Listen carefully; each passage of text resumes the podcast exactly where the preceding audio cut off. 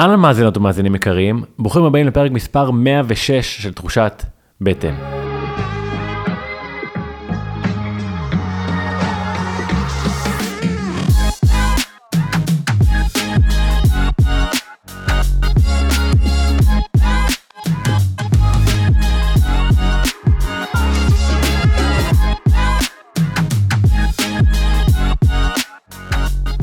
שבוע טוב, אהובות ואהובים, ברוך הבא לעוד פרק של הפודקאסט. אני המנחה שלכם מתן חכימי, מנחה מרחבים לשינוי והתפתחות ומחבר את ספר חוקי בטן. בשנים האחרונות אני חוקר את הקשר בין הבחירות, האמונות וההרגלים שלנו לבריאות שלנו, אם היא הפיזית או הרגשית. השבוע אני שוב מארח את שחר כספי, שחר הוא פסיכותרפיסט גופני בוגר הקומי, מייסד בית הספר הבינלאומי נתיב להכשרת מנחי קבוצות ומנחה סמינרים וריטריטים בארץ ובעולם. כרגע להגיד שאם מצאתם ערך בפרק הזה, אנא מכם תחלקו אותו כדי שעוד אנשים יוכלו להרוויח מהתוכן הזה, שתהיה האזנה נעימה. אהלן שחר כספי. היי מתן, מה שלומך? בסדר, כיף לי, כיף לי בנוכחותך. יש, כיף לנו להיפגש עוד פעם. נכון, אני, אני, אני מתרגש כי זה, כי אני חושב שהפרק הזה נוצר מ, מאיזשהו שיתוף שהיה לי מולך, שאני חווה איזשהו אתגר מול ה, היצירה של הפודקאסט, שאני עושה כבר שנתיים, ובתקופה הזאת, או לאחרונה, אני מבין שאני בעיקר שואל שאלות, כי אני רוצה לתת ערך, להעביר מסר, אמ, להנגיש ידע דרך אנשים שאני מראיין שהם מאוד חכמים בעיניי, ואיפשהו הד... בדרך שם נאבד אולי קצת הקול שלי ויש לי הרבה מה להגיד. ו... ושמתי לב שיש שם איזשהו רצון לשינוי, שבתוך הרצון הזה אני איפשהו בין, אה, אולי אני צריך להפסיק את הפודקאסט לגמרי, ואז אבל לא, זה, יש בזה דבר טוב, אז אולי אני צריך להמשיך בכוח לראיין, או אני צריך למצוא מרואיינים יותר טובים, ואתה יודע, יש איזשהו, איך אני נותן מקום לעצמי, ואז אמרתי, אני כל כך רוצה לשבת פשוט לדבר עם בן אדם, ולא רק להיות במקום של השואל שאלות, לתת במה למה שיש לי להגיד. נשמע לי ש... קודם כל להמשיך בכוח בטוח, לא רק אמרת את זה וישר היה לי איזה קיבוץ בגוף. לגמרי. וכן עולה לי במיוחד אגב דברים כאלה שקשורים ללב ולהתפתחות ולסקרנות, אני מרגיש שאם לא יהיה לך את הפאשן שלך ואת, ואת עצמך בתוך זה, זה יהיה מורכב להמשיך את זה. אבל כן עולה לי לשאול אותך, בעצם אני שומע שכשהתחלת את הפודקאסט, אז היה לך, היה לך מקום של סקרנות בעצם, כאילו פחות חשבת על הצופים כל הזמן, וגם היית יותר עסוק בלך, הייתה איזו סקרנות אותנטית. כן, הרגשתי שפתאום אחרי איזה כמה פרקים, הבנתי שיש לי מלא מה ללמוד. ונחשפתי לעולמות שלא נגעתי בהם, אתה יודע, אני באתי מעולמות, נקרא לזה הבריאות, ואז נחשפתי למלא, הבנתי שהרפואה זה הכל. והייתי סקרן, סקרן, סקרן, ואני הרגשתי לאחרונה שכבר אולי, זה נשמע מצחיק, אבל אולי אין לי כבר ממי לדלות עוד אינפורמציה שאני לא, אתה יודע. שהיא חדשה לך כרגע. כן, אני בטוח שיש, אבל אני כבר לא מוצא אותה. ואתה יכול להגיד לי רגע, אז, אז מה קורה לך בפנים אה, אל מול המקום הזה, ש, שעכשיו אתה מגיע לתוך... נגיד אתה עכשיו מגיע לרעיון קלאסי כמו פעם ולא שיחה, כמו שעכשיו אנחנו עושים, אז mm-hmm. מה אתה, מה אתה פוגש שם אה, מול הבן אדם? זה שעמום, זה קושי, זה לא בא לך? יש כמו איזה, לפעמים אה, תסכול, שאני לא מצליח לדלות איזה משהו שמעיף אותי, שאולי אה, לפעמים המרואיין אומר דברים שכבר נאמרו בפרק, או שאני אומר, אוקיי, אני רוצה להעביר ערך, אז אני אשאל שאלות שאני כבר יודע את התשובות הפעם. אבל אני מאוד חשוב לי להעביר את הערך הזה, אז בוא נעשה את זה, כי זה עדיין חשוב. אבל אה, פתאום אני צריך לשחק משחק, שאני כאילו... אה, כמו מאלץ את עצמך. מאלץ את עצמי להתלהב עכשיו מהתשובה, או לעשות כאילו אני מופתע, רק כי, כי אני כבר מביא בן אדם, אני רוצה שהערך יעבור. כי אין לי דרך אחרת. זה מאוד מזכיר לי, אה, בעצם מה שקורה במונוגמיה, או בקשר, שמה שאני שומע ממך עכשיו זה פשוט חסר לך להתרגש. אני שומע ש, ש, שבהתחלה מאוד התרגשת והסתקרנת, וזה היה מעניין וזה היה מרתק, והרגשת כזה שגם אתה וגם אחרים מאוד נתרמים, וכרגע זה מרגיש לך שהגעת לאיזשהו מיצוי, וחסר לך התרגשות. זה נכון או ש... זה ממש ככה, זה ממש ככה. ואני מת להתרגש עוד פעם. כמו שאתה רוצה להתרגש שאתה בקשר נראה לי, אחרי תקופה. מה כן מרגש אותך? בפודקאסט או לא בפודקאסט? נגיד לא בפודקאסט. אמ, וואי, זו שאלה טובה שאולי קצת לאחרונה, אני, אני בתקופה שאני ממש מרגיש כי כביכול הקריירה הולכת טוב, אבל אני מרגיש שאיבדתי משהו ואני מחפש איזשהו שינוי. אז רעיונות של ליצור דברים חדשים, להיות יותר באינטראקציה עם אנשים. אמ, ואז כל מה שחדש, כלומר, אז נמצא איזה מרואיין חדש, נדבר על משהו חדש שלא קרה שם, או, או הרעיון של אני אשב עם בן אדם עכשיו שאני מעריך ופשוט נייצר שיחה. שהיא לא תבוא ממקום של... אה, כי יש משהו מרוחק בלפגוש מרואיין חדש כל שבוע, שאין לך עומק איתו. זה כבר לא שיחה, זה בא מישהו, נכנס, עושים את העבודה, יוצאים, כמו שאתה פוגש עכשיו רופא או... כזה לדפוק כרטיס. כן, ו... שמע, אני שומע את ה, את ה, בעצם את הרצון להתחדש וליצירה אה, מחודשת. ואני סקרן אם אין לך עכשיו פלטפורמה שאתה בעצם יכול אה, לעשות את זה. זאת אומרת, לקחת את הפודקאסט הזה ולהגיד לקהל, היי, אני הולך קצת לשחק איתכם. זה לא הולך להיות מה שהייתם רגילים. גם אם אתם אהבתם לצרוך את זה עד עכשיו, אנחנו עכשיו אה, משדרגים תוכנה, כי משהו בי גם משתנה ואני רוצה שאתם תהיו איתי בתוך השינוי הזה. ו... ולדעת שזה מותר לעשות טעויות, ו... ורגע אולי אתה תסכים לשחק קצת, פתאום להביא מישהו ולהגיד, אוקיי, אני לא עושה איתך פודקאסט, אני עושה איתך שיחה, או להביא שלושה אנשים ביחד ולהגיד, אני לא עושה פודקאסט, אני עושה רגע פאנל שיחתי, או... ואז לראות מה מתוך היצירה הזאת מעניין אותך. אולי לעשות דברים שיש בהם יותר embodiment, uh, כל מיני דברים שאותי שאות... מסקרן, מה מסקרן אותך, ואז uh, מתוך זה באמת. כן, אני חושב שנגעת אבל בנקודה הכי משמעותית, שזה... אה, שזה כאילו איפשהו פחד לטעות. אה, אתה יודע, איך, אני בדיוק ראיתי איזה משהו השבוע באינטרנט על, אה, לא זוכר, איזה פילוסוף שדיבר על יצירה, שאמנים חייבים לטעות כדי, כדי להצליח, לחיות. ופה יש איזשהו עניין של פחד לטעות. אתה יודע, פחד לנסות משהו חדש, מה זה אומר, איך, המ, איך המאזינים יגיבו, אם לא יאהבו את זה, מה זה אומר, מה זה אומר עליי. כן, כן, וגם בעיניי אתה הולך לתת ערך מאוד משמעותי למאזינים שלך, כי גם הם יוכלו לחוות את האנושיות שלך, ובעצם אה, הם יחוו שאתה מסתכל עליהם בגובה העיניים, כי גם הם עושים טעויות וצריכים כלים לאיך להסכים לעשות טעויות. יש את המשפט הזה של ליאונרד כהן שאני מאוד אוהב, שאומר forget your perfect offering. Mm-hmm. ו... ואני חושב ש... שאולי זה רגע ממש אינטימי ופגיע עבורך, שהמאזינים יוכלו להיות איתך בזה. להיות איתך במקום שאתה אומר, היי, יש לי פה איזה משבר במערכת היחסים הזאת עם, ה... עם הזוגיות שלי, עם הפודקאסט, ובא לי שתחזיקו איתי את המרחב הזה, ובואו נראה מה קורה, ואני חושב שזה יכול גם לעורר בהם סקרנות וגם מקום של אומר, אוקיי, בואו נראה איזה טעויות מתן עושה, ואיך אנחנו איתו בתוך זה לומדים. זה, כאילו כל כך נכון, אבל בו זמנית אתה, אתה, אתה מסתכל על זה בצורה מאוד אופטימית, שהם, שהם יחזיקו לי מרחב ויגידו בוא תתנסה, ואני בראש שלי אומר הם פשוט יעזבו. והם לא ידעו בכלל שעשיתי את הטרנספורמציה הזאת. אני מרגיש שהם לא יעזבו כל כך מהר, ו... ואני חושב ש... ש... זה קצת קשור למה שאמרתי לך, ש... ש... שאני חושב שיהיה מעניין לדבר עליו, על, על מנהיגות מתוך פגיעות. אז אחד הדברים שקורים לי ב... בארבעה חודשים האחרונים, זה שחברות מתחילות להזמין אותי אה, להנחות סדנות על מנהיגות מתוך פגיעות, וזה חדש לי. זאת אומרת, זה, אני עד עכשיו פחות עבדתי עם חברות ויותר אהבתי עם קהל שבוי שבא אליי. Mm-hmm. ו, ופתאום אני, אני, אני בעצם מדבר עם אנשים שהשפה שלהם קצת שונה משלי, שהיום כבר פחות כי למדתי להתאים את עצמי. אתה יודע, שפתאום בתוך, ה, בתוך הסדנה מישהו יגיד לי action item, אני עולה, ואז אני, זו ממש שפה שהיא אחרת מהשפה שאני מדבר איתה, זה ממש, אה, אגב, מרגש. זה מאוד מרגש אותי, mm-hmm. פתאום אה, לפגוש אנשים חדשים, כן. שהשאלות שלהם אחרות, שה...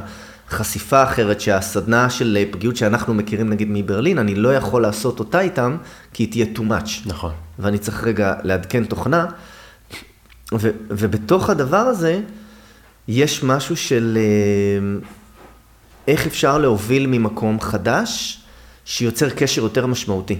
כי אני מרגיש שאם אתה תביא עכשיו פגיעות, אתה יוצר קשר משמעותי עם המאזינים שלך, שמחבר אותך אליהם בצורה מאוד עמוקה. כי פתאום הם מרגישים אותך אחרת, הם מרגישים את הרטט של הפגיעות שלך שאומר, היי, אני מפחד, או היי, אני, אני מרגיש כרגע שיש לי איזה רעד בגוף, כי אני לא יודע לאן הדבר הזה הולך, וזה היה איזה רשת ביטחון שלי, ופתאום עכשיו, שאני חושב שאולי לא תהיה, זה שם אותי באיזה מקום כזה של מיני מוות, ואני לא אוהב מוות. ממש, אני חושב שאתה יודע, בסופו של דבר אני חושב שהפגיעות שלי יצרה באיזשהו מקום את הפודקאסט, אני פשוט בדרך כלל מביא אותה מול המרואיין, ואומר, אני מפחד, קשה לי, זה מה שחוויתי, הבאתי כל דבר חשוף שקרה לי בחיים בצורה הכי אותנטית מול הבן אדם שמולי, אולי פחות אה, מול המאזינים. אבל ללא ספק אני, בלי לשים לב, ואין ספק שזה העמיק קורס של הכשרת אה, אה, קבוצות, אבל אה, תמיד תמיד הבאתי, אה, מאז שהתחלתי את מה שאני עושה, הבאתי בקיאות. גם בריטריטים וגם בהרצאות, אני תמיד מוכן להגיד, אני מפחד, קשה לי, אה, אני עדיין בדרך שלי, אתה יודע, זה... אני רואה שזה שובה אנשים, שזה, כי, זה, כי זה שם אותי בגובה העיניים איתם, ובו זמנית, יש פעמים שזה ממש מפחיד. אז מה קורה לך אם אתה נגיד תסכים לעשות עכשיו את הצעד הזה, את הקפיצה הזאת מהצוק של להפסיק לעשות את הפודקאסט כמו שעשית עד היום, כי, אתה, כי משהו בך מבקש להתחדש, ונגיד אתה סומך על החלק הזה שמבקש להתחדש, mm-hmm. מה יקרה אם פתאום אתה מגלה שסתם דוגמה, לא יודע, יש לך 100 אלף פחות מאזינים. אתה מגלה פתאום שיש איזו ירידה, מה, מה זה עושה לך? ועכשיו אתה פתאום מגלה את זה. שאנשים מפסיקים להאזין? פחות. אני לא חושב שיפסיקו, אבל פחות. כן, כן, אתה יודע, זה איזשהו... אה, אתה, אתה בחלום השחור, אתה מדמיין שכאילו, אתה, אתה לא רלוונטי בעולם יותר, כזה. זה לא הכמות מאזינים, זה כאילו פתאום אה, יישכח מתן חכימי, כן. כזה. ואז בעצם גם שם אני שומע שני דברים, גם מצד אחד איזשהו מקום של, אה, של פחד ש, שבעצם נלקחת ממך היכולת אה, להשפיע ו, ולגעת, וגם אולי הכרה מסוימת mm-hmm. במי שאתה ובמה שאתה עושה. כן. ועם זאת, אני גם שומע חופש. אני בעצם שומע, אתה יודע, כל משבר הוא הזדמנות, אז אני שומע בתוך המשבר הזה גם איזשהו מקום שפתאום אתה שם לב, יש אותי, ואת מה שאני עובר בתור מתן חכימי, ויש את ההשלכה של מי מתן חכימי ומה הוא עושה, ואני פתאום מתחיל לחוות חופש. דרך זה שאני שם לב שלי עדיין יש מה לתת וליצור, פשוט יש אנשים מסוימים שכרגע אה, לא יכולים לקלוט את זה או להרגיש את זה. כן. אתה יודע, זו מערכת יחסים בכללי מורכבת, כי בו זמנית אני מפחד להיות לא רלוונטי ושאני לא יכול להשפיע, ובו זמנית אני אומר לפעמים, הלוואי והכל ייעלם ויהיה לי רק את החופש פשוט להיות אה, אני, ולא לעשות יותר מדי. כי אני כל כך רגיל להיות אה, מכור ל- לתת ערך. כן. אבל אה, אתה יודע, כשאתה, כשאתה שואל את זה ככה, מה יקרה אם תעשה פשוט את מה שאתה רוצה? אז היה לי הרבה יותר כיף. כנראה שהייתי מביא אנשים מתחומים שונים לגמרי, שאולי היו אוהבים את זה ואולי לא, אבל היה נחמד לדבר איתם ולהביא איזשהו כיוון שהוא שונה, שהוא לא בהכרח מחובר לגמרי לבריאות, אולי סיפורים של אנשים, אולי סתם לשבת עם חבר לשיחה, כי אני חושב שאפשר להביא ערך מכל דבר. אגב, סיפורים זה קצת מה שקורה היום. אה, עכשיו, אנחנו בעצם משתפים, אתה משתף באיזשהו סיפור חיים ואני משתף איפה זה נוגע בי. נכון, אבל עד עכשיו זה היה שחר כמומחה או כל בן אדם אחר כמומחה. אמרת אה. שאתה מכור ללתת ערך, כן. שאני מרגיש שזו התמכרות ששנינו חולקים ביחד. נכון. ו... ובא לי כזה לשים, נגיד אם אנחנו רוצים לשים את זה במקום יותר חשוף ופגיע, זה המקום של בעצם, אני, אני אדבר עליי רגע ואתה תגיד איפה זה פוגש אותך, אבל המקום של בעצם, שכשאני נח ולא עושה שום דבר, יש בתוכי איזשהו חלק, איזשהו שומר שאומר לי, זה לא מספיק. Mm-hmm. ו, ובעצם בתוך זה יש כמיהה אדירה לבאמת לעצור ולהרגיש שעצם הנוכחות שלי היא מספיק ואני לא חייב לעשות שום דבר, ובתוך זה יש עוד חלק שכל הזמן דוחף אותי. כן, אני, אני ממש מכיר את זה. זה איזשהו, אה, כמו לחיות עם איזו תחושת אשם כשאתה לא עושה משהו, לקום בבוקר, נגיד בשבת, ולא להיות מסוגל פשוט לא לעשות כלום. או להחליט שאני עכשיו לים, ואני כאילו מרגיש אשם, חייב לחזור הביתה כי צריך לעשות משהו, אבל, אה, אבל אה, כאילו למדתי שאם אני לא עושה, אז, אה, אז זה לא מספיק. הקיום, הקיום שלי לא מספיק אם אני לא נותן משהו. ואני חושב שזה אגב פצע, אם דיברנו על, על טיפוסי אישיות, אז זה פצע שבמדינת ישראל הוא מאוד חזק, האישיות היצרנית. אם אתה לא יצרן ואתה לא מספק ערך, אז אתה לא קיים. למה נראה לך זה יותר חזק במדינת ישראל? כי אני מלמד בעוד מדינות, ו... אתן לך דוגמה, נגיד בישראל מאוד מקדשים אישיות יצרנית על פני אישיות תחת מעמסה. שההבדל הוא, נגיד זה בקצרה, שאישיות יצרנית זה פצע סביב ערך, ובעצם בגיל, בין גילאים 4 ל-7 הילד, אה, אבא שלו נגיד היה רואה שהוא אה, מצייר ציור, אז במקום להגיד לו, וואו, איזה כיף שאתה משתמש בצבעים, ואיזה יופי איך אתה משתמש במגוון של הצבעים, ונעים לי בגוף שאני רואה את הציור שלך, אז אבא היה אומר, היי, העיגול פה לא מושלם. ואז בעצם הילד מבין שאם הוא לא מספק ערך כמו שצריך, אם הוא לא עושה דברים כמו שצריך, הוא לא אהוב. ודרך זה, שם מתחיל בעצם הדפוס, הוא אומר, אוקיי, כדי לקבל את מה ש... את האהבה, אני אספק ערך. Okay. כן. ונגיד בישראל, האישיות יצרנית ומתרחבת ונשענת על עצמה, זה, החברה מאוד מאדירה אותם, כי החברה בישראל היא מאוד מאוד אה, מעודדת את מי שמספק ערך. זאת חברה שהיא מאוד מבוססת. בכללי העולם המערבי, אבל בדגש על ישראל. Hmm. ו... ולכן נגיד אישיות אחת מהמסע שהתנועה שלה היא הרבה יותר איטית, וזה אנשים שיותר קשה להם להתחבר לרצון שלהם, וזה אנשים שמחפשים בכלל את החופש להיות איטיים ולהתחבר לרצון שלהם, הם בארץ אה, בדרך כלל, בדרך כלל נדחפים קדימה, בגלל שקשה לאנשים לקבל אותם, כי זה מראה שאנשים לא מוכנים להכיל. אבל נגיד שלימדתי בדנמרק, פגשתי יותר סוגים כאלה של אנשים שהם אה, תחת מעמסה. והרגשתי שהמלחמה שלהם עם עצמם היא יותר נמוכה בגלל שהמדינה מקבלת אותם. המדינה לא כל כך הישגית mm. ברמה ש... שכל הזמן מודדת אותם להי, סיפקתם ערך היום בבוקר, היי, מה. כן, כן, אין, אין ספק שזה מאוד מוכר או מהצבא, מעולם הביטחון, או מעולמות ההייטק, אקזיטים. כאילו כאילו תרבות של מוצלחים. ממש. תעשה אקזיט, אתה מוצלח, אה, תמכור חברה, ת, תציל את החיים של מישהו אחר, זה הכל סביב... אה, כן. נכון, ואז אם אתה לא כזה, זה מרגיש... אה, כן, אתה מרגיש לא שייך, זה נכון. מטורף, פתאום להרגיש, וואו, אני לא שייך בגלל שאני לא מספיק מוצלח, ואגב, זה אנשים מדהימים, זה פשוט אנשים שהם לא במהירות שבן אדם שיש לו אישיות יצרנית, הוא ינוע בתוכה. כן. סתם דוגמא, אנשים שחושבים יותר לאט, או לוקח להם יותר זמן לתנועה, הם צריכים ללוש את עצמם. נגיד בטבע היית משווה בין אייט אה, לזחל, לא היית אומר שאייט הוא יותר טוב מזחל. היית אומר שאייט רואה בולדר כזה אבן גדולה, אז הוא יכול לעוף מהר מעל ו- וזה לא מהווה לו אתגר, וזחל רואה בולדר זה וואו, מה אני אעשה? אבל מצד שני, אייט זז מהר מדי והוא, לא, והוא הרבה פעמים ידלג על הגוף הרגשי שלו, וזחל זז כל כך לאט שהוא הולך להרגיש הכל תוך כדי התנועה. זאת אומרת, אני חושב שלכל טיפוס אישיות יש, יש מתנות ויש צל. ו, והרבה פעמים בארץ יקדשו אישיות יצרנית ויגידו, זה דפוס טוב, במקום להגיד, היי, הבן אדם הזה גם לא מסופק ולא מאושר, זה לא משנה שהוא מספק מלא ערך, mm-hmm. הוא עדיין בחוויית חיים שהיא, שהוא לא יודע איך, איך להגיע לשלווה. אה, כן. נכון. רגע, אבל בוא נישאר אז דווקא במה שהתחלנו, כי זה, אותי זה מעניין. כן. מה? אה, אז מעניין אותי, אתה פוגש את זה גם במערכות יחסים זוגיות?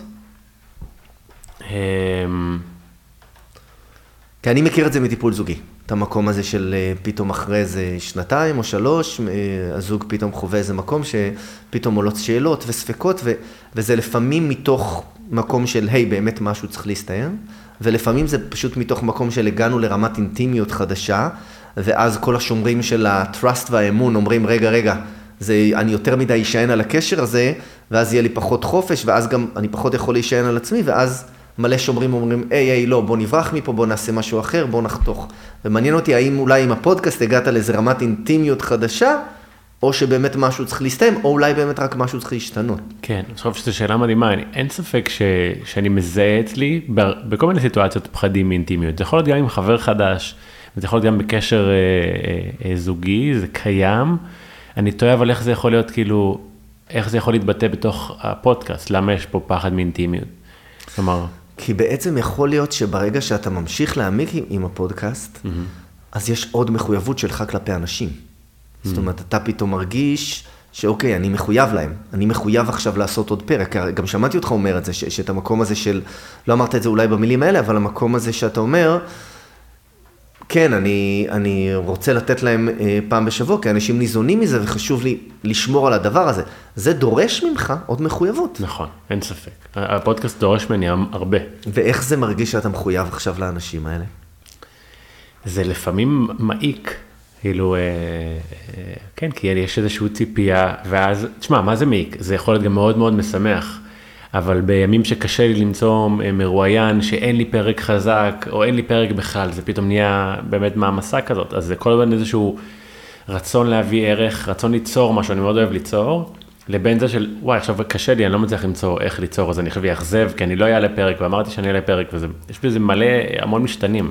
אז אני שומע שיש לך כן איזה שומר כזה, שאומר, רגע, די, נמאס לי, לא בא לי להיות מחויב עד כדי כך בצורה הזאת לאנשים, שאני שאני מרגיש לחץ. בעצם אתה... המון לחץ יש לי בחיים, אה, כן, בגלל הדבר הזה, כי זה, כן, זה איזשהו משהו נלווה שהוא לא העבודה, לא הפול טיים שלי, זה רק אני נותן ערך, ואני גם מאוד מחויב לזה ברמה הרגשית ככה, כי, אתה יודע, אני רוצה לתת ערך, וכמובן שהיו בנפיט וזה מדהים, אבל אה, אני גם נפגש הרבה עם מרואיינים שכזה פונים אליי והם רק רוצים לקדם את מה שהם עושים, מבחינתי זה כזה, אני רק רוצה לתת טוב, אל תבוא לקדם אצלי משהו.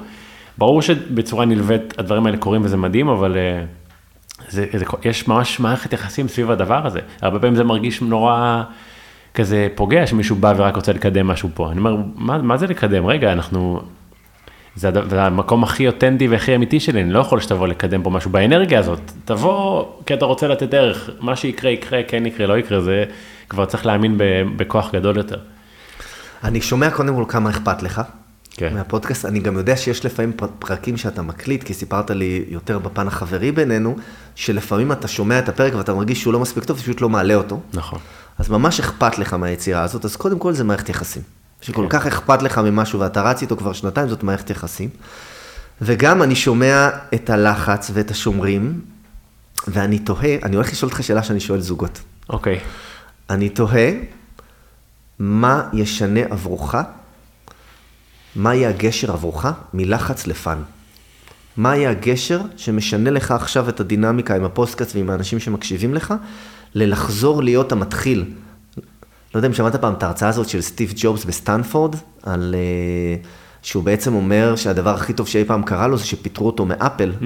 והוא חזר להיות מתחיל בנקסט. Ah. ובעצם דרך זה שהוא חזר להיות מתחיל, הוא גם היה לו פתאום זמן להתחתן, והיה לו זמן, זאת אומרת, כל החיים שלו התחדשו. ומעניין אותי לשאול אותך, מה הגשר עבורך, אגב, גם עבור כל הצופים בבית, במקום שפתאום אתה בלחץ ומחויבות, איך אתה חוזר רגע לפאן ולהתחדשות? מה, מה ייתן לך את הגשר הזה? Hmm. וואו, זו שאלה מעולה. אני מניח שאיזשהו חופש ב... כאילו, לשחרר את, ה... את הדרמה סביב כמה חשוב שהפרק יהיה מושלם אולי, או סביב כמה חשוב שהמוראיין יהיה מושלם, איזושהי יכולת להעלות פשוט לעלות פרק, גם אם הוא שיחה עם חבר, גם אם הוא עכשיו איש שהוא לא בהכרח מביא רפואה שתשנה לאנשים את החיים, ואז יהיה יותר מהנה. אני, אני מדמיין משהו כזה, מה שהופך את כל הדבר הזה ליותר יותר קליל. כמה אתה מרגיש ב fun עכשיו, מאז שהתחלנו את השיחה הזאת? איתך? כן. איתך ב fun, כי אני מכיר אותך. אתה יודע, אני, אני פשוט מכיר אותך, ואני יודע שהשיחה אצלנו קולחת. אם עכשיו היית אומר לי שכל שבוע אני יכול למצוא מרואיין שאני יודע שנורא קל לי לדבר איתו, זה גם יכול להיות אחלה, אתה יודע. יש אה, כמה אנשים שהיו אצלי בפודקאסט שאני אוהב והייתי יכול לדבר איתם פעם בחודש. אני חושב ש... אני חושב ש... ש... עוד פעם, זו התפיסה שלי כמובן, כן? אני, אני משליך עליך רגע את התפיסה שלי, אה, בעדינות. אה, אני חושב ש... שאתה צריך לעשות מה שכיף לך. ואם פתאום אתה, אם עכשיו אתה מגלה שהדברים האלה יותר כיף לך, שזה, שזה דווקא להעמיק מאשר עומק ולא רוחב, mm-hmm. כאילו לקחת אנשים שאתה כבר מכיר ו- וריגשו אותך או נגעו בך, או המערכת יחסים שלך איתם מרגשת אותך, ודווקא ללכת איתם יותר עמוק מאשר ללכת על רוחב על עוד אנשים שונים, mm-hmm. אני חושב שאיזה כיף, יש משהו שיותר מעניין אותך עכשיו עומק. זאת אומרת, אה, אה, כאילו, אני חושב שלסמוך על האינטואיציה הזאת שלך, של, אה, ולחקור את הכיוון הזה, והחיים כבר יראו לך אם הכיוון הזה הוא, הוא לא ישרת. כן. אני, אתה יודע, הרבה דברים שאני חווה, אני, אני מדבר עליהם, אני מעודד אותם, ב, אתה יודע, כשאני מעביר עכשיו הרצאה או סדנה, אבל פתאום אני מולם חווה קושי, אני חושב שכמה שאני, כמה שתוכן אני אעשה יותר, ויותר בחופשיות, אז אה, אתה יודע, נגיד, אה, סתם יש את ג'ו רוגן, שהוא אחד הפודקאסטים המוצלחים בעולם, יש לו מלא שלוש, שלושה פרקים בשבוע. זה המון, אבל גם מצד שני, שאתה עושה כל כך הרבה, אז אתה משחרר מכמה כל אחד נהיה דרמטי. אתה מבין מה אני אומר? לא שאני חושב שזה מה שאני צריך לעשות עכשיו. אני מבין מה אתה אומר, ואני בטוח שאתה יודע, שכמו שיש לג'ו רוגן את ה spirit שמדריכה אותו, אני לא יודע מי זה, אז uh, למתן חכים יש את ה spirit שמדריכה אותו. כן. ואתה, יהיה לך טוב לגלות מה ה flow שלך. זאת אומרת, מה, מה, מה ה fun שלך, מה הכיף שלך, מה, איפה אתה עוד פעם הניצוץ חוזר. שזה נראה לי השאלה ש, שממש שווה לשאול, כאילו, איפה הניצוץ? חוזר לי דרך התרגשות, דרך סקרנות, איפה אני שוב מרגיש את האיכויות האלה שמהם התחלת. כן. אתה יודע, אחד מהכללים שאני מאמין בהם, ואולי פה באמת אתה שם לי מראה שאני לא לגמרי משתמש בהם, אבל שכדי להצליח בחיים אתה צריך לעשות יותר ממה שאתה אוהב. ואולי אם הגעתי למצב שאני כבר עושה פה דברים שאני לא אוהב, אז הגיוני שיהיה איזשהו סוג של כאב ותסכול בתוך הדבר הזה. ואיך אני חוזר באמת, כמו שאתה אומר, לעשות, שיהיה לי כיף בתוך הסיטואציה הזאת. ממש. ממש, ואז גם יהיה יותר קל מול המחויבות הזאת, שכן, שכן לפי דעתי יש שם איזה חלק שמאמת אותך מולה. שאומר, רגע, אני כבר מחויב פה להרבה אנשים. כן, נכון. יש, זה, זה בין המחויבות הזאת לרצון שיהיה לי כיף ולשחרר, וזה כאילו מתנגש, אה, מתנגש. אתה יודע, אתה יודע שבעצם, מה שעכשיו אנחנו עושים, בדיוק זה עלה לי, מה שעכשיו אנחנו עושים זה סוג של רול פליי. איך? שמת לב? לא איך. שאני שואל אותך שאלות ואתה עונה תשובות, זה כן. בדיוק הפוך משלושת הפרקים הקודמים שהקלטנו, וזה בדיוק קשור למה שאני מציע לזוגות לעשות בטיפול זוגי, שבאים, שבא אליי זוג ואומר לי, יש לנו בעיה בתשוקה, אז אני שואל אותם, יש כל מיני כלים להגברת תשוק- תשוקה, אז אחת מהם זה רול פליי. אז אני שואל אותם, משחקים ברול פליי, ואז אומרים לי, מה זה? ואז אני אומר, מחליפים תפקידים, מחליפים דמויות, אה, אתה הולך ו... ובונה לעצמך איזה דמות וכותב ממש. דיברנו על זה אולי. מי, כן, מי אני, מאיפה אני, אתה מתלבש בצורה אחרת, אתם נפגשים במקום שאף פעם לא נפגשתם, אתה מתחיל איתה מחדש כאילו אתה לא מכיר אותה בכלל, את בונה לעצמך דמות, אבל בעצם מה הם עושים? הם יוצאים מהתפקיד שהם הרגישו בו שעמום, שגרה, זה, ועוברים לתפקיד חדש, וגם עכשיו בעצם החלפנו תפקידים. נכון. זה נעים, זה כיף. לא, אני, אני, אני ללא ספק, אה, רציתי לייצר שיחה עם בן אדם, וזה מרגיש ככה, וזה ממש גם כיף לי שזרמת איתי על הדבר הזה. כן. האמת שלי אין אג'נדה, אני גם, אני גם אוהב לספק ערך, וכל דבר שנראה לי שיכול לספק ערך ו- ו- והתחדשות וסקרנות זה אדיר, אני בעד. גדול. בא לי, בא לי לשתף על, אה, אתה יודע, אני חושב שאחד מהדברים שאני חווה לפעמים זה שאולי המאזינים לא מכירים אותי בכלל, ואני חושב שעברתי המון בשנה האחרונה, הרבה ביחד איתך, אז אני חושב שיהיה אולי נחמד לדבר על זה, שלמדתי איתך בשנה האחרונה הנחיית קבוצות בגרמניה. ואני חושב שזה גם רלוונטי לנושא של, כאילו בא לי שנדבר גם על פגיעות וגם בכך על מה, יודעת, על מה, מה זה אומר, מה קרה שם, מה קורה איתי בחיים בגלל הדבר הזה. אותי זה מפחיד נגיד שאתה אומר את זה קצת. למה? כי אני מרגיש שאני מאוד קל לי, כשאני בתוך הקורס, אז אה. מאוד קל לי, זה כזה הבית שלי. אבל בלדבר על זה, אני לא כל כך טוב. ובדיוק מישהו שיקף לי את זה, שאמר לי, תשמע, באתר אינטרנט שלך אי אפשר להבין את מה קורה בתוך הקורס. אבל אני לא טוב בכתיבת תוכן, זאת אומרת, זה לא המתנה, זו לא המתנה המשמעותית שאני יודע לתת. אז זה מצחיק אותי שכשאתה מדבר על זה, כן, יהיה לי מעניין לדבר איתך על זה באמת, ואז גם להבין יותר איזה חוויות לך היו שם, ואז אני אספר איזה חוויות לי היו שם. אני, אני יכול לספר כבר שהדבר עלה לי אתמול בלילה בתוך השינה, שכמה כאילו עברתי אה, מולך, בהתחלה היית בן אדם שראיינתי לפודקאסט, פעם אחת מזמן על בכלל מערכות יחסים על פוליאמוריה, ואתה פגשתי בן אדם אה, חכם, מעניין, וזה נגמר בזה, ואז באתי לסדנה שלך, של שבוע, ואז אמרתי, אוקיי, וואו, כאילו, איזה, איזה עולם מעניין. כן, זה גם היה בנושא של אה, מיניות בריאה ואינטימיות ו- ושמניזם. ואז אמרתי, אוקיי, וואו, איזה, איזה, איזה גוף מטורף, איזה, איזה תוכן מטורף. ו... רגע, ואיך אני, אני אמשיך את זה? אני חושב שלפעם השלישית אני פניתי אליך ואמרתי לך, בא לי שנקליט עוד אה, פרק. נכון. כן, ואז הקלטנו פרק, ואז קרה ברלין, ואז אני רוצה להגיד שפשוט, פתאום בבר... בברלין, שזו חוויה כאילו בין הטובות לבין כאילו הכי קשות אה, שעברתי, באמת, אה, פתאום הבנתי מה זה הנחיית אה, קבוצות. כי אתה יודע, כשבאתי נגיד לסדנה של המיניות והשמניזם, אז פשוט התרשמתי מהתוכן. ולגמרי, לרגע לא אמרתי, יש פה מנחה שעושה עבודה מסוימת עליי כדי להעביר אותי תהליך. ואז כשהתחלתי ללמוד, פתאום גיליתי שבעצם אני כבר תקופה מעביר סדנאות וריטריטים, אבל, ויש דברים שקורים בצורה אינטו- אינטואיטיבית בפגישה עם אנשים, כמו שעכשיו ברגע שאני פוגש אותך, אני אביא משהו, אנרגיה מסוימת בהתחלה ואנרגיה אחרת בהמשך, אבל פתאום אמרתי שיש פה ממש אומנות, נכון. שכמה שאני אבין יותר בני אדם, כמה שאני אגרום להם בכלל לעשות דבר שהוא הוא בכלל לא נקלט, לסמוך עליי, להתמסר, הם יוכלו לעבור תהליך יותר משמעותי של שינוי. ממש. אגב, זה נקרא, אני קורא לזה אומנות החזקת המרחב. ממש. ו... וכן, בא לי לשאול אותך, איזה כלי הכי דיבר אליך? זאת אומרת, או כלי, או לאו דווקא הכי, אבל איזה כלי ממש דיבר אליך ו... והרגשת ש... שהוא נוגע בך, נגיד? ממש כלי ספציפי, אתה יודע, אני חושב שהמראה הכי גדולה שקיבלתי זה ש... א', להיות בפגיעות ולהביא אנושיות זה דבר שאני יכול להביא ברגעים מסוימים, וברגעים מסוימים אני יכול להביא הרבה ריחוק. אז בדרך כלל כשריטריט שלי היה מתחיל, הייתי עושה כמה דברים ספציפיים, אבל לא בהכרח נותן להם הרגשה שהם הגיעו ויש איזה אבא שמחכה להם. אז אני חושב שבכלל לשים לב לאנרגיה שלי, האם אני בנוכחות אוהבת, האם אני במצב שאני נותן לאנשים את מה שהם הרגע צריכים, כי הם הגיעו למרחב והם לא יודעים שנייה מי שם ומה הולך להיות שם. ו... ואני חושב שהדבר הכי, הכי הכי משמעותי עבורי בתור בן אדם. וזה נוגע בנושא של פגיעות שאני אשמח שנרחיב עליו, זה כל ה... נגיד נקרא לזה אה, שמש ירח, או בן אדם שנמצא במקום שהוא יכול לתת, ובן אדם שהוא צריך משהו. אולי אתה רוצה להסביר אולי מה זה? כי אולי, אני לא יודע אם זה יעבור.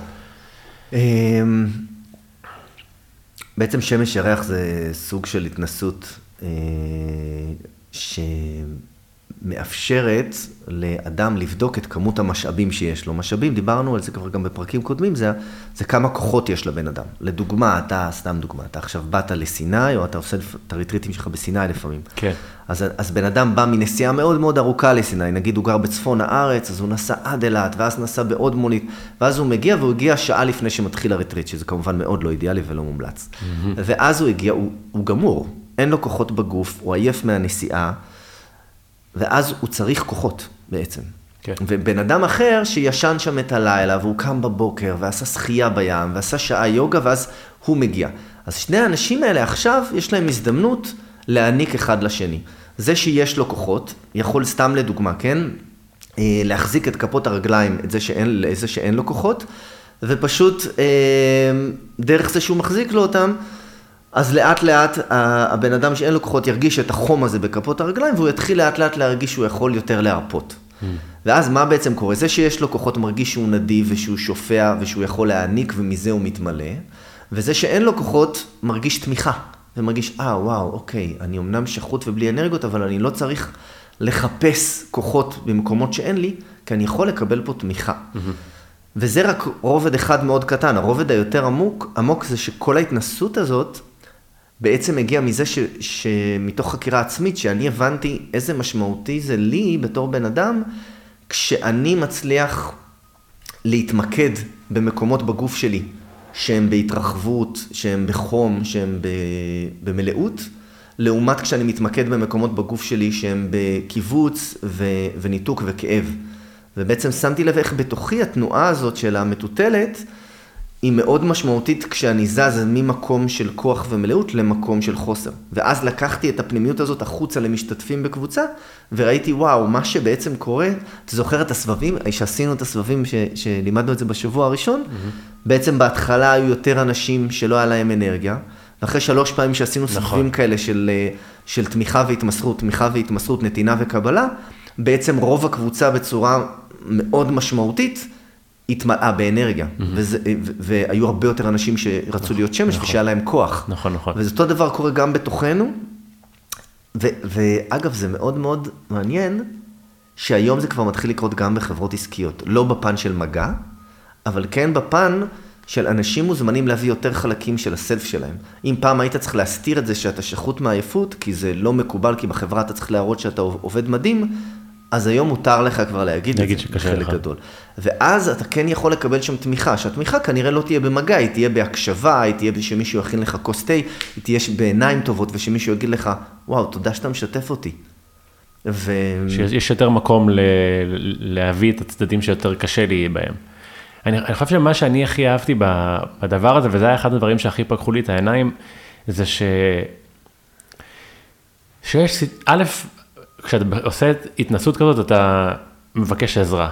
דבר ראשון, ככה זה מתחיל, כשאתה אומר, אני, אני מרגיש עכשיו קצת שאני צריך תמיכה, ומי יכול לתמוך בי, שזה הדבר שהכי קשה עבורי. אני יכול ללמוד את זה ממך, ועדיין ארבעה ימים למשוך עד שאני אומר, חבר'ה, מי יכול להיות שם בשבילי?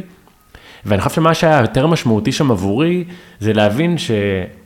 שכמעט כל חוויה שלילית שאני עובר, היא בעצם עמוק עמוק בתוך זה, היא איזושהי בקשה לעזרה. אז כלומר, לפעמים שאני אמצא את עצמי במקום שיפוטי, או ביקורתי, או מרוחק, אז באותו רגע, במקום להישאר שם, במה לא בסדר, נגיד, היי, כאילו, משהו, לא, משהו קורה אצלי, אני צריך עזרה רגע, ופתאום לגלות שחיבוק, יד על הגב, אה, מבט טוב, יכול לשחרר פתאום את כל, הש, את כל השליליות הזאת שחיה בי. אז אה, ממש, השינוי. כן, אני רוצה להגיד ש, שבעצם, במקור באנו מזה בצורה טבעית. אם אתה לוקח אותנו לפני אלף שנה, חיינו בשבט. ובתוך שבט היה את הדבר הזה. זאת אומרת, היה את זה שיודע לעבוד עם צמחים, והיה את זה שיודע אה, להכין, אה, והיה את זה שיודע אה, להכין את האוכל, והיה את זה שיוצא לצוד, והיה את, אה, את זאת שדואגת לילדים, והיה, זאת אומרת, זה היה קיים בתוך שבט. חוכמת המעגל. Mm-hmm. ואז דרך עבודה ומשפחות ויצירת תאים יותר קטנים ופחות שבט וכל משפחה לעצמה וכל אדם לעצמו, דרך הנפרדות, בעצם נוצר משהו מאוד מוזר. מצד אחד אנחנו חיה שבטית כיונקים, ואנחנו מחפשים זהות שבטית ושייכות, ומצד שני אנחנו כבר לא יודעים לבקש עזרה. כי למדנו שאנחנו צריכים להצליח לבד, אה, להתמודד לבד, ושזה הדבר הנכון. והיום העולם מתחיל להבין, היי, הפצעים הכי עמוקים שלי הם בקשר, ואם אני לא לומד לבקש תמיכה, אני לבד, ואני לא רוצה להיות לבד. ו, וגם, אגב, גם זה מאוד נפוץ בישראל, האישיות שנשענת על עצמה, mm-hmm. זה מאוד נפוץ, ובאמת בהתנסות הזאת, אני שמח שהזכרת את זה, זה חלק מאוד מרתק לראות כמה אנשים קשה להם רק לבוא ולהגיד, היי, כואב לי כרגע, או אני מרגיש תשוש כרגע, ואני מבקש תמיכה, מי מוכן לתמוך בי? כן. זה מטורף. ממש, ממש. אני חושב שמה שלמדתי זה ממך, זה ההבנה הזאת שבעצם אנחנו, אנחנו, אני, כמעט כל אדם, הורגים כל הזמן רגשות או ויברציות כדי להמשיך לתפקד. אז אני היום מרגיש משהו, אבל כדי שאני עכשיו אעשה פודקאסט, כדי שאני אלך לעבודה, כדי שאני אקח את האלה שלי לגן, אני חייב שנייה להרוג את כל מה שחי בי כרגע, כדי, כדי לתפקד, ואז כבר לא נשאר כמעט מקום לפגיעות, ואני חושב שזה מה שהדבר היפה שקורה ב, בסדנאות או בריטריטים. לפני כל התכנים, טובים, לא טובים, זה שאתה שנייה נותן מקום להתנהלות של אין לה כמעט מקום בעולם האמיתי, ושם יש אין סוף ל, ל, למה שאתה יכול להבין, פשוט מאיך שאתה מרגיש כרגע. אני חושב, ש, אני חושב שאם אנחנו נוגעים בעולם הזה של סדנאות, אז גם, קודם כל זה קשור למה שעכשיו דיברנו על הזהות השבטית. בעצם אתה נותן ל, לאנשים אפשרות להרגיש שוב חלק ממעגל. ובתוך זה, תדמיין מה זה עבורך, נגיד שאתה נכנסת פנימה, ו... ואם אתה זוכר, הלכנו לאיזה מקום בעבר שלך, mm-hmm. וכמה זה היה משמעותי שהיה מעגל שלם עם עיניים טובות מסביבך, כמה תמיכה ממש. זה נותן. ממש. אז גם לחוות את זה, וגם נראות. הכמות של הנראות שאתה עכשיו מקבל, אם אתה נכנס למרכז של קבוצה, היא הרבה יותר משמעותית מנראות של בן אדם אחד. פתאום נכון. קבוצה שלמה רואה אותך. אתה יודע, אם יש דבר אחד שאני מאמין בו בכל כולי, אולי כי זה השפיע עליי כך, אבל אני, מה שהכי השפיע עליי בשנים האחרונות זה שתרתי ללכת לסדנאות. אמ, אני באמת חושב ש... ואני לא מדבר על סדנאות שלי או על סדנאות שלך, אני חושב שכל בן אדם צריך ללכת לסדנאות, כי יש, כי קורה שם באמת מה שאמרת, גם את השבטיות הזאת, גם את הנראות הזאת, גם את המקום הזה שמאפשר לך להיות בפגיעות שלך בדברים שאתה לא יכול להביא ביום יום. ואני חושב שזה הדברים שהכי פיתחו אותי והמשיכו לפתח אותי בחיים האלה.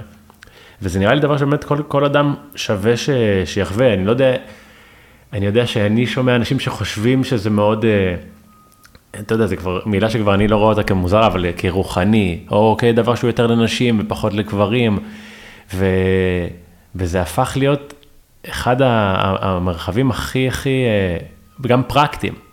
בסופו של דבר. כלומר, אני לקחתי מזה המון המון פרקטיקה, האם זה רוחני? אני לא יודע אפילו להגיד כבר. אבל זו הזדמנות בזמן מאוד קצר לעבור תהליך מאוד מאוד משמעותי. ממש, אני, אני מאוד אוהב אה, להראות את, הגשר, את הגשר דרך, אה, דרך מילים פשוטות, mm-hmm. ואז כל בן אדם יכול לקחת את, ה, את הגשר שמדבר אליו בשפה. לדוגמה, אני אומר ש, שאחת הסיבות שנכון לבוא לסדנאות של התפתחות, זה כדי לעבור מהמודע לתת מודע. או בשפה אחרת אני אגיד, זה לעבור ממנטלי לרגשי, מאוויר למים, משטחיות לעומק, מממד של התנהלות לממד של השתנות. ואני כמובן יכול להמשיך ככה עם עוד המון דוגמאות, mm-hmm. ואז בעצם קצת יותר קל לאנשים להבין על מה מדובר, אה, בעצם מאיזה, לאיזה עולמות. ובאמת, איזה מתנה אדירה זאת שאנחנו יכולים ללכת לסדנה. אגב, גם אני בתור מנחה מקפיד להיות משתתף, נגיד עכשיו אני לומד קונסטלציה. ו, ואיזה כיף זה שאפשר ללכת לסדנה, ופתאום יש מרחב שאני יכול לזהות דפוסים שלי, mm-hmm. או אני יכול לגלות איזה מקומות לא בא לי לפתוח, ולמה יש לי שם פחד לפתוח את המקומות האלה. כן. ועוד או דברים שקשורים לעבר שלי, שיש לי אפשרות עכשיו לשנות אותם. וזו תחושה מאוד מעצימה. ממש. גם, אה, אני חושב שגם, אגב, אנחנו אומרים על, על כל המתנות שיש במפגש עם, עם מעגל או עם אנשים בסדנה, ש, וגם מה שאני הולך להגיד זה מתנה, אבל זה גם מאוד מאוד מאתגר, כי אתה פתאום פוגש אין סוף מראות, אנשים שבאים לך יותר בטוב, פחות בטוב, שמתנהגים בצורה שאתה לא רוצה, שאתה כן רוצה, פתאום לא נוח לך ואתה צריך להישאר בכל זאת, ואם אתה רוצה ללמוד ולהתפתח, אז, זה ממש, אה, אה, איך, איך אומרים, הזדמנות למפגש אנושי ישיר.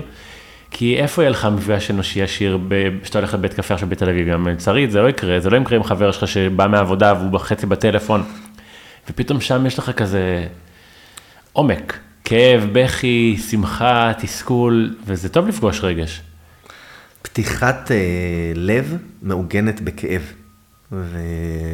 ואני מרגיש ש... שעל זה אתה מדבר. בעצם על המקום שבו כשאתה מעמיק לתוך עצמך, אתה בעצם פוגש גם את כל מערכת ההגנה ששומרת עליך. ובתוך זה יש שם אה, הרבה כאב ומטען רגשי ש... שאתה שם לב ומגלה אותם. אני נגיד מנחה אה, עם בת זוג שלי, והרבה, והרבה פעמים משהו נראה אחרת לה ונראה אחרת לי, ואז אנחנו צריכים לפגוש את זה, וזה מעלה כל מיני תכנים. ו... ובתוך האתגר הזה, יש הרבה התפתחות. אמ, זה באמת על, על האם אתה יכול לבוא כפריזמה, שגם אם יהיו משברים, המשברים הם הזדמנויות לצמיחה. ואם אתה מצליח לבוא עם פריזמה כזאתי, אז סביר מאוד להניח שהמסע שלך יהיה מסע מיטיב. אם אתה מגיע ממקום שאתה מחפש רק fun, אז כמובן שה... שסדנאות מהסוג האלה הם לא יהיו המקום הנכון. כי כי כשאתה פוגש את עצמך, אתה פוגש את עצמך על שלל חלקיך. גם, גם על החלקים, ה, נקרא לזה מוארים, וגם על החלקים של הצללים שלך. גם על החלקים הפתוחים וגם על חלקים ששומרים וסגורים. כן. בוא נדבר על איזה, על איזה חלק שלנו, ש, ש, שפגשנו נגיד אה, לאחרונה, לתת דוגמה. מה אתה אומר על זה? כן, וואו, בכיף. אה, מה, מה אני פוגש? בנגיד? אולי אתה תתחיל, אחר כך אני גם אגיד. נגיד חלק אחד נעים שפגשת, בתוך נגיד השבועיים שהיו לנו בברלין ביחד, אז פגשת גם אנשים מכל העולם, מ-12 מדינות, נכון. ופתאום אתה מדבר איתם באנגלית ולא בעברית, חלק מהם שונים ממך, mm-hmm.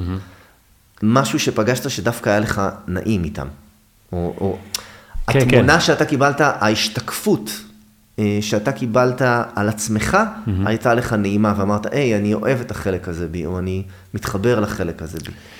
אני חושב שיש לי, אה, יש לנו בזמן הקורס גם את הקבוצות הקטנות, את הפודים שאנחנו נפגשים, אז יש לי קבוצה קטנה שאני פוגש כל בוקר, שהיא הדבר הכי מאתגר שקורה לי שם. ו... לא ידעתי את זה, טוב שאנחנו רגע מדברים על זה. כן, אז זה בין אנשים שאומרים לי, אתה יודע, אני בן אדם שמאוד עושה את מה שבא לו באותו רגע, אז איפשהו שזה בין השראה לראות את זה, לבין זה בלתי נסבל. זה, זה פידבק שאני, שאני פוגש שם. אמ, ואתה יודע, באיזשהו שלב אתה תראה אנשים שאכפת להם, אומרים, אנחנו ממש נשמח אם תהיה יותר נוכח, אם תהיה איתנו, אנחנו רוצים להכיר אותך. ושם אתה כזה פוגש בין כאילו, תעזבו אותי, אל תראו אותי, תנו לי את הספייס שלי, לבין, אוקיי, מישהו דורש ממני משהו כדי להעמיק איתי אינטימיות ואני מפחד. אני יכול להגיד לך משהו אינטימי שאני רואה? כן. אני רואה שיש תמה סביב חופש. נכון. אני גם רואה אותה בגלל החזרתיות. זאת אומרת, גם בתחילת הפודקאסט הזה, כשדיברנו על... Uh, על ה... איפה אתה מול הפודקאסט, אז זה היה איזשהו שלב שאמרת, כן, בא לי להפסיק עם זה, ופתאום יהיה לי חופש לעשות מה שאני רוצה. Mm-hmm. ועכשיו מול האנשים אתה אומר, אני בן אדם שבא לו לעשות מה שהוא רוצה, ופתאום מול האנשים האלה זה, זה יותר מורכב. אז אני חושב שיש איזושהי תמה סביב אה, חופש, ומה קורה לך כשאתה רגע לא עושה את מה שאתה רוצה. נכון. אני, אני, אני מוכן ושמח להעמיק, אני סתם רוצה לשתף אותך, לא סתם, אני רוצה לשתף אותך, ש... דיברתי על זה אין ספור פעמים, אבל כל הפודקאסט הזה, כל המהות שלי היא סביב שמונה שנים של חולי, שמונה שנים שאני לוקח תרופות, שהגוף שלי לא טוב, שאני לא מחובר לעצמי, שאני לא מבין מה קורה בגוף שלי. ואחד מהדברים שקרו במסע ההחלמה שלי, זה שהמילה חופש קפצה.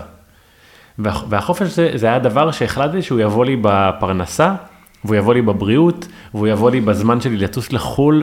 אני רוצה חופש, כאילו, שמונה שנים הייתי, הרגשתי כבול בשלשלאות למציאות שלא אהבתי, ואז זה היה כזה, אני רוצה חופש, אני, אני, אני אעבוד כמה שפחות בשביל כסף, אני אעשה כמה שפחות בשביל, כאילו זה היה כזה, אני לא זוכר בדיוק את המילים, אבל חופש נהיה ממש קטע, ועכשיו נזכרתי בכל הדבר הזה יחד, אבל זה מאוד חי וכל מה שפוגע לי בחופש, כי יש מש- משהו טיפה ילדותי בזה, אבל כל מה שפוגע לי בחופש, אני מאוד מאוד קשה לי עם זה. אל תיגעו לי בחופש שלי. אז אם ניקח את זה רגע טיפה יותר לעומק,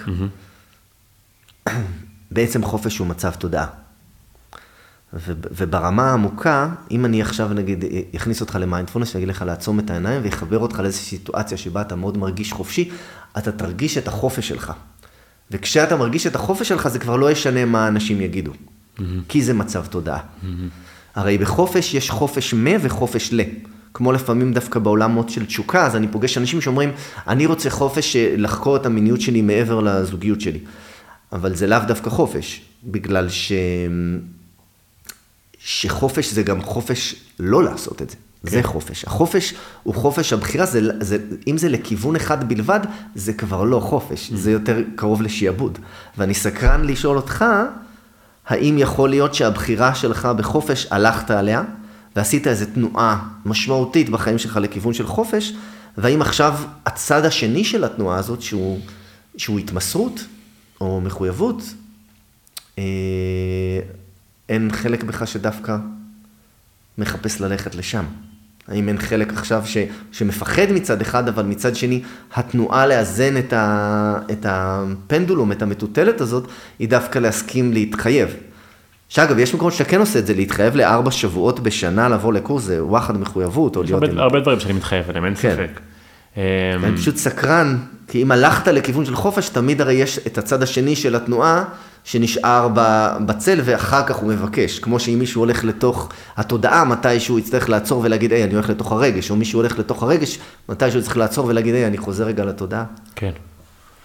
אז אני חושב שיש אזורים בחיים באמת שאני מתמסר, ויש אזורים שאני, שאני כנראה מתחמק כדי לשמור על החופש, ואתה יודע, זה באמת עניין של פרספקטיבה, כמו שאמרת, בן אדם אחד שעוזב את המערכת יחסים בשביל חופש, ואחד שמחליט למצוא חופש בתוכה.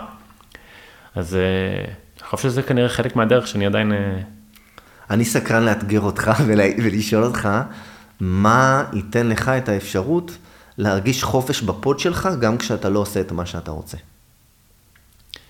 אה, במפגש בוקר ב- כן, בגרמניה. זה גם לאו דווקא מה שאתה חייב לענות עכשיו, אבל זה כן בעיניי מסע ראוי, של פתאום אה, כזה לגלות איך אתה, איך אתה שם כשאתה לא תעשה את מה שאתה רוצה, אתה חלק ממה שהקבוצה הזאת עושה ומתמסר לזה, אבל אתה עדיין דואג במצב תודעה של חופש לשמר אותו באיזושהי צורה, בין אם זה שמישהו תומך בך עם יד על הגב, בין אם זה, ב... לא משנה, כל דרך, זה לא קצת, אבל באיזשהו מקום, באיזה שלב אתה אומר, מה שקורה פה אולי אני לא אוהב אותו, אולי מה שבן אדם אומר עכשיו מולי, הבן אדם שאחראי על הקבוצה הזאת הוא לא נכון לי, ההתנהלות שלו נכונה, אני לא מתחבר אליה, כמה אני צריך להגיד, אוקיי, זה קשור לפצע שלי ואני מתחבר, מתמסר בכל זאת, או להגיד, אולי זה באמת לא נכון לי.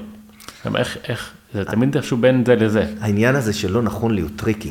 כי יש דברים בחיים שיש לך שליטה עליהם, ויש דברים מאוד מאוד גדולים שאין לך שליטה עליהם. ובדברים האלה שאין לך שליטה עליהם, אתה לא תוכל אה, לעשות את הבחירה הזאת, ולכן זה כלי שכדאי ללמוד. לדוגמה, אני, אני הולך לדבר רגע על משהו כואב. לדוגמה, כשחס וחלילה אה, נפטר אדם, אבא שלי נגיד נפטר. כשאבא שלי נפטר, לי אין יכולת להגיד, אני רוצה חופש ולהתמודד עם זה. הוא נפטר, אני יכול, אם אין לי את הכלים לדעת איך אני עובד עם מצבי התודעה, ואם אין לי כלים עדיין לדעת איך אני עובד עם אבל, ו... ואם אני לא מוכן להתמסר לאבל, אז בעצם אני מדלג על חלקים רגשיים שלי. ולכן אני, אני חושב שהכלים האלה הם כלים חשובים. אתה לא תמיד חייב לבחור אה, לעשות מסעות כאלה מסובכים, אבל כן הכלים האלה זה יהיה בעל ערך ללמוד אותם, כי לפעמים אתה תהיה בסיטואציות שאתה לא תוכל לבחור. ככה זה בחיים האלה. ו... ואז כשאתה בתוך הסיטואציות האלה ולמדת את הכלים האלה, אתה אומר, אוקיי, כאן אני לא יכול לבחור, אבל אני יכול לבחור את המציאות הפנימית שלי בתוך הקושי. Mm. אני למדתי איך לעבוד עם המציאות הפנימית שלי בתוך כאב, בתוך האתגר. יש לזה גם, אני קורא לזה PDP, presence during pain. המקום הזה של, היי, פה יש לי כאב, אבל אני רגע מביא נוכחות. אתה גם ראית אותי בסיטואציות כזה מאתגרות מול משתתפים, mm-hmm. שבחלק מהם אני פוגש כאב, אבל איך אני לא בורח מזה, אלא הופך את זה רגע להזדמנות, להגיד, אוקיי, כואב לך, כואב לי, אנחנו הולכים להיות עם זה, ולראות איפה הגשר. אני, אני שומע את מה שאתה אומר וזה נוגע חזק, כי אתה יודע, חשבתי השבוע, אני אמור לקנות כרטיס לשבוע השלישי בברלין, ואני אומר לעצמי, אני אומר לעצמי, אני לא רוצה ללכת, אתה לא רוצה ללכת. ואז אמרתי, מה קרה בדרך ש...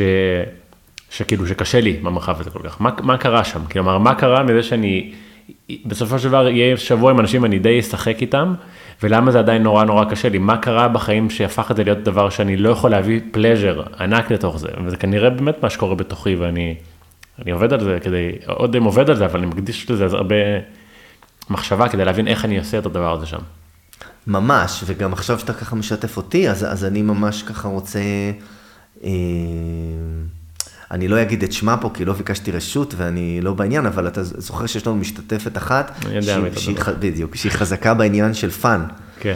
ועולה לי דווקא שאולי גם עבורך, אגב, וגם עבורי, אני גם חשבתי על זה, ארן אמרה לי את זה גם עליי, זה יהיה טוב לקבל ממנה transmission, ואולי בכלל אני אחרי יום אחד אבקש ממך להחזיק את ה fun, ולהעביר התנסות של fun לקבוצה כל יום, כי אני חושב שיש משהו בפאן שהוא מאוד מרפא עבור אנשים שעסוקים בערך. ואני יודע ש, שג'וי, שפאן ו, ומקום של שמחה, זה לגמרי מקום שאני רוצה לצעוד אליו, יותר קל לי בכאב ובעומק ובפגיעות מאשר בשמחה. ממש, ממש, ממש. ואני חושב ש, ש, שגם לך זה יהיה מדיסין טוב, ויכול להיות ש, שאת השאלה הזאת של אוקיי, מה, מה משמח אותי, מה ישמח אותי עכשיו, מה משמח אותי בתוך הקבוצה, איך אני מביא תנועה לכיוון שמחה בתוך הקבוצה.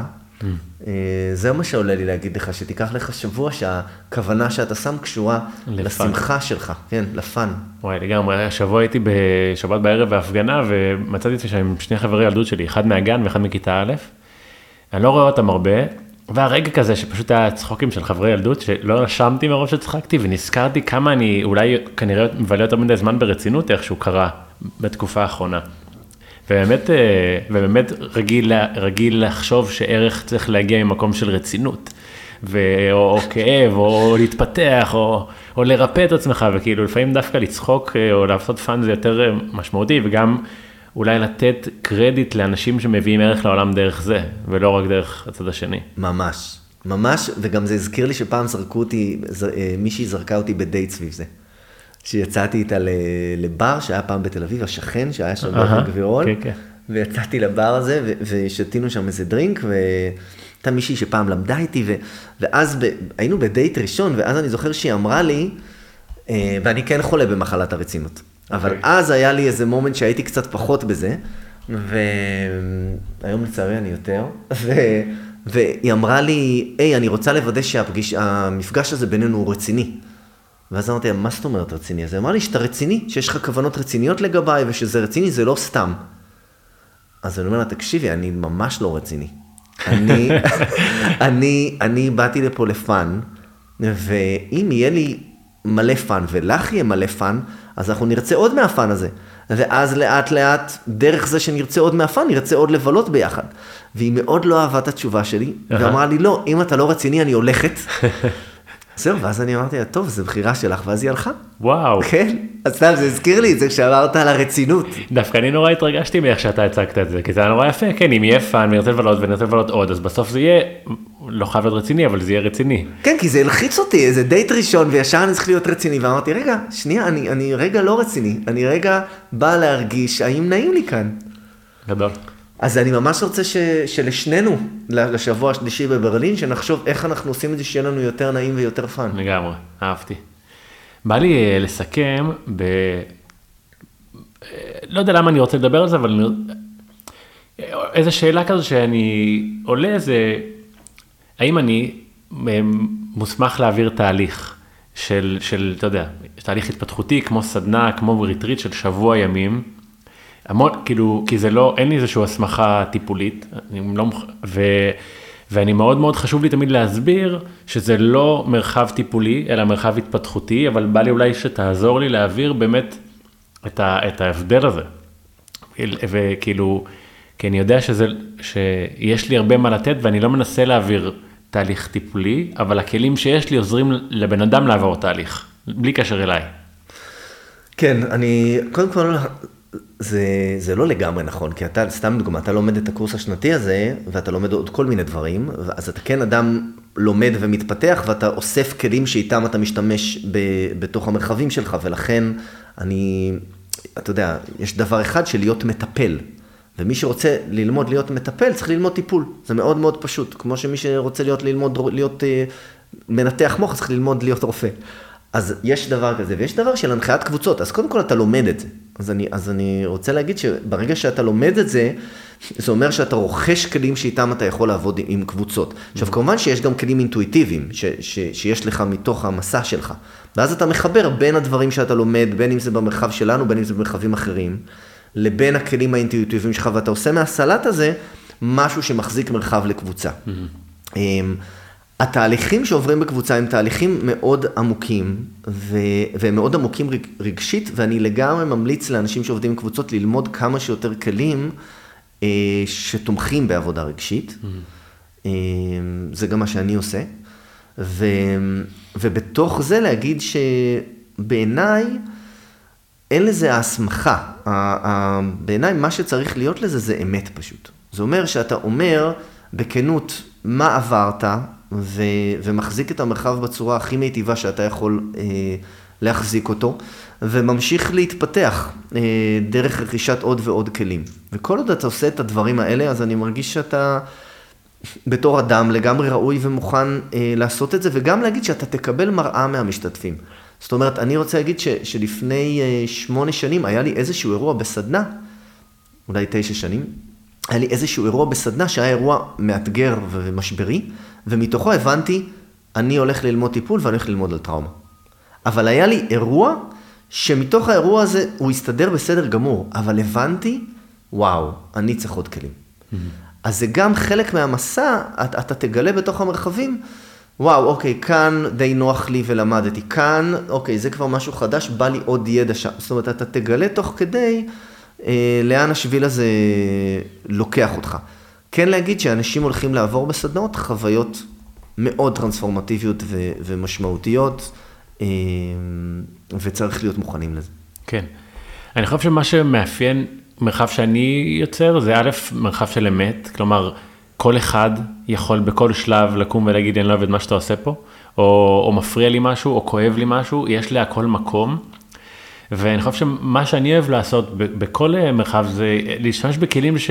וזה מה שהכי אהבתי בסדנות שאני הלכתי אליהם, זה כלים שעוזרים לי להבין איך הפכתי להיות מי שאני, אם זה סתם לדבר אפילו על טיפוסי אישיות, או אפילו על אה, כלי ששם אותי מול ההורה שלי, או משהו שכואב אצלי, או אה, יודע, קורבנות, אחריות, כל דבר, איך הגעתי, אוקיי, זה מה שהביא אותי לזה אחלה, מה אני עושה עם זה עכשיו, איך אני נעזר בכלים האלה כדי שאני אהפוך להיות דמות יותר טובה, שיהיה לי יותר קל להתמודד עם החיים. אז אה, לא יודע למה הרגשתי צורך לדבר על זה, אבל זה... חושב שיש פה אמנות מעניינת של לעזור לאנשים לתת לעצמם את מה שהם, שהם צריכים, דרך הכלים שאני מאמין בהם. אני חושב ש, שאם אנחנו רגע לוקחים את זה למתמטיקה, mm-hmm. אז uh, שיקוף פלוס משאבים שווה שינוי. אוקיי. Okay. ו- ו- ועל זה yeah. אני מרגיש שאתה קצת מדבר. זאת אומרת, אני בא לתת לאדם דוסאג' uh, איך אומרים, מנה של אמת, mm-hmm. ודרך המנה של אמת הוא יפגוש את עצמו על שלל חלקיו, וגם את הדפוסים שלו והאסטרטגיות שלו, שבעצם גורמות לו אה, לא להיות הקברנית של הספינה הזאת, שהוא, שהיא הוא. ואז אתה תיתן לו מספיק משאבים, דרך תנועה, נשימה, שנאה, ים, אה, נוכחות אוהבת שלך, כדי שהוא יאמין בעצמו שהוא יכול לפגוש את הדפוס הזה ולצץ בצד השני עם יותר חופש לכוון את החיים שלו לאן שהוא באמת רוצה. וואו, היאמין בעצמו ממש, ממש התחברתי לזה. אז אפשר מגן. ממש לקחת את זה ככה, כי אתה יודע, זה כמובן חלק מאוד קטן, אבל, אבל כן אפשר להסתכל על זה ש, שבאמת אה, שיקוף פלוס משאבים, או מראה פלוס משאבים שווה שינוי. כן, אתה תלמד משהו, תחווה קושי, ויהיה מישהו שיכיל אותך וייתן לך... כוחות. כוחות, כן.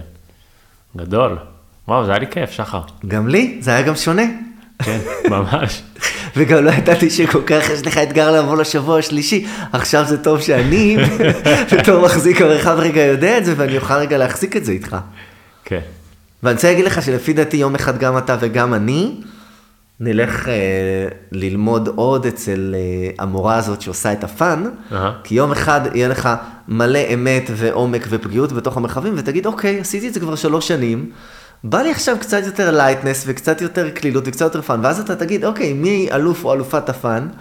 ואני חושב שככה הרבה פעמים אנחנו לומדים דברים בתור מנחים, אנחנו פתאום מגלים איזה כיוון שמסקרן אותנו וגם הקבוצה קצת מבקשת אותו, ואז אנחנו אה, הולכים אה, לרכוש את הכלים האלה. לגמרי. שחר כספי, איזה כיף שבאת. תודה רבה, מתן, איזה כיף. זהו להיום אהובים, כיף שנשארתם עד סוף הפרק. מקווה שמצאתם ערך בשיחה שלי עם שחר, כרגיל להגיד שאם כן, אנא מכם תחלקו את הפרק הזה, גם אם זה עם אדם אחד, כדי שנוכל להביא קצת יותר רפואה, חופש וריבונות לתוך העולם הזה, שיהיה שבוע נהדר, ולהתראות בשבוע הבא.